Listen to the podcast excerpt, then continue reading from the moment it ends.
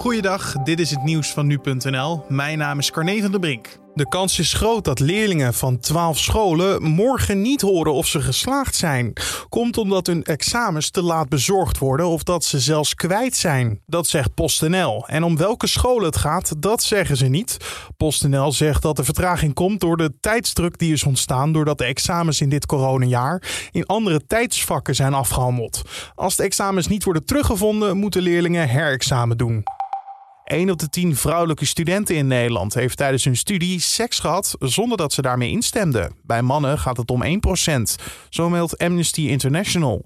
Ruim de helft van de slachtoffers beschouwde het niet als verkrachting. Ze vonden het niet ernstig genoeg of voelden zich mede verantwoordelijk. Toch wil de mensenrechtenorganisatie dat onderwijsinstellingen meer gaan doen voor de veiligheid van studenten. Zo'n 60% weet bijvoorbeeld niet waar ze op school hulp kunnen krijgen na een verkrachting. Tientallen websites van de overheid zijn niet goed beveiligd. Inlogpagina's voor het beheer van de website zijn eenvoudig te kraken.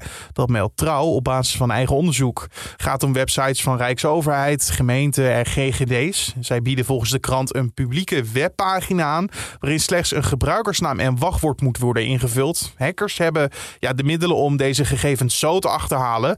op die manier kwamen hackers eind vorig jaar ook al bij de Overijsselse gemeente Hof van Twente binnen. En Amerikaanse miljardairs als Jeff Bezos, Elon Musk en Michael Bloomberg hebben weinig tot geen belasting betaald tussen 2014 en 2018. Het zou gaan om maar een kleine 3,4 procent. Dat onthult onderzoeksplatform ProPublica op basis van gegevens van de Amerikaanse Belastingdienst. De miljardairs hebben verschillende manieren om onder de hoge belastingtarieven uit te komen, waaronder het schenken van geld aan goede doelen.